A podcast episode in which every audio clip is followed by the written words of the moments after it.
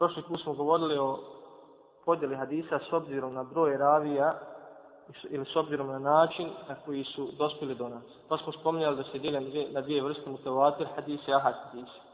Pa smo radi veze sa tom temom spomenuli frakcije ili skupine koje negiraju hadis, koje negiraju ahad hadise u akajdu ili u, ili u fiksnim propisima. Danas ćemo kao dopuna na tu temu spominjati skupinu ili skupine koji u potpunosti negiraju sunnet i koji kažu da je Kur'an dovoljan za shvatanje Islama. Da je Kur'an dovoljan za shvatanje Islama.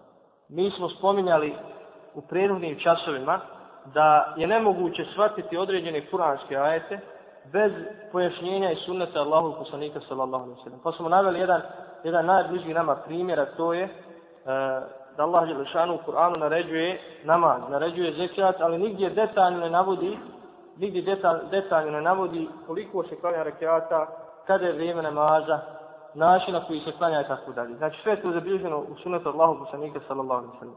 Prema tome ova skupina kada je pitan je li sunet je u velikoj zabudi. Korijeni ovog mišljenja su se pojavili još u vremenu ashaba, pred kraj vremena u kojem, kojem su živjeli ashabi, ili u početku vremena u kojem su živjeli tabijini. Pa ćemo vidjeti da se bilježe razne predaje kada je u pitanju jeli, odbijanje sunneta. To su uglavnom bili stavovi pojedinaca u to vrijeme. Dok je poslije ta ideja prerasla u jednu školu ili jedan pravac. Znači oni koji su potpuno odbijali sunnet.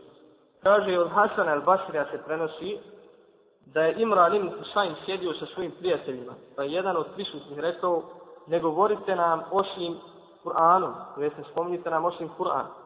Imran reče, šta misliš kada bi ti i oni koji misle kao ti bili prepušteni Kur'anu, da li bi našao u Kur'anu da je, da je podne četiri rekiata i Kindija četiri, Aksam tri i da se na prva dva uči na glas. Šta misliš kada bi ti i tvoja, tvoji istomišljenici bili prepušteni Kur'anu, da li bi našao da je tavaf oko Kabe sedam krugova i da je isto toliko šaj između Safe i Merve? Zatim je rekao, o ljudi, uzmite od nas, jer tako mi Allaha, ako tako ne postupite, zalutaće. Hadis od bilježi Bejheti.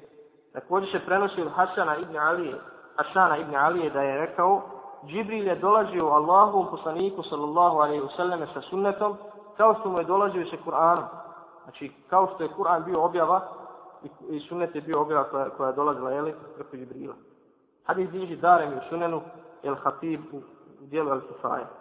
Također imam šafija navodi ajetom u kojima se spominje riječ kitab i hikmet.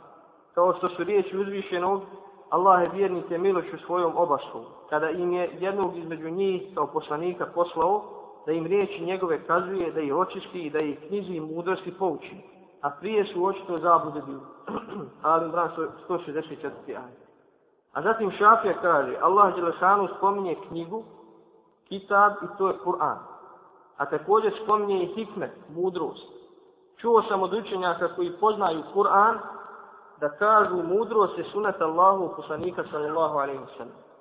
Zbog toga što je spomenut Kur'an, a odmah iza njega hikmet, Allah Đelešanu navodi svoju blagodat prema vjernicima, koji je poučio knjizi i hikmetu, to je mudrost.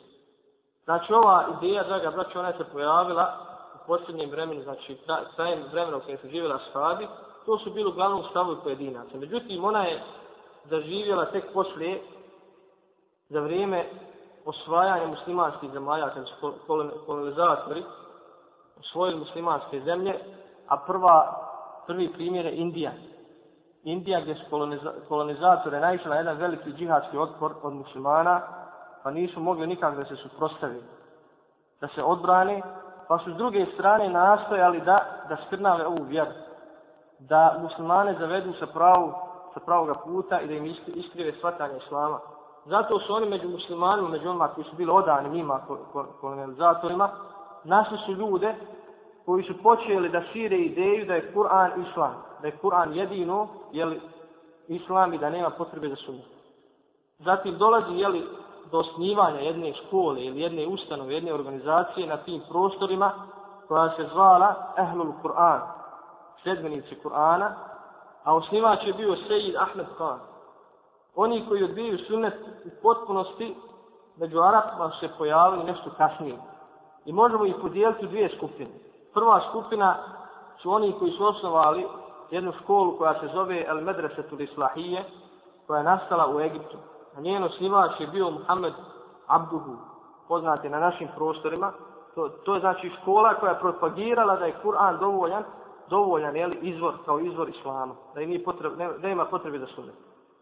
Kaže njegov učen, njegov šeh El Afgani, znači Muhammed Abduhu El Afgani bili su osnovači ove škole koja je propagirala tu ideju. Oni su širili u svoju ideju putem jednog časopisa koji se zvao El Menar i čiji je urednik i osnivač bio Muhammed Rešid Rida. Bio je također poznat na ovim našim prostorima i uzima se jeli, kao autoritet. Ovaj časopis je objavio nekoliko članaka pod nazivom Islam, to je Kur'an. To je Kur'an je Islam. I drugo, ovu ideju su širili preko, preko jedne knjige koja se, koju je napisao poznati pisac, poznati jeli, pisac koji je napadao sunnet, a naročito neke, neke ravije kao što je Ebu Hureyre, napisao je knjigu koja se zove Abwal, Abwal, Abwal sunnete Muhammedije. I u njoj je napadao Abwal sunnete Muhammedije i u njoj je napadao jeli, sunnet i napadao neke prenosioce, čak i neke ashabe, kao smo rekli Abu Hureyre.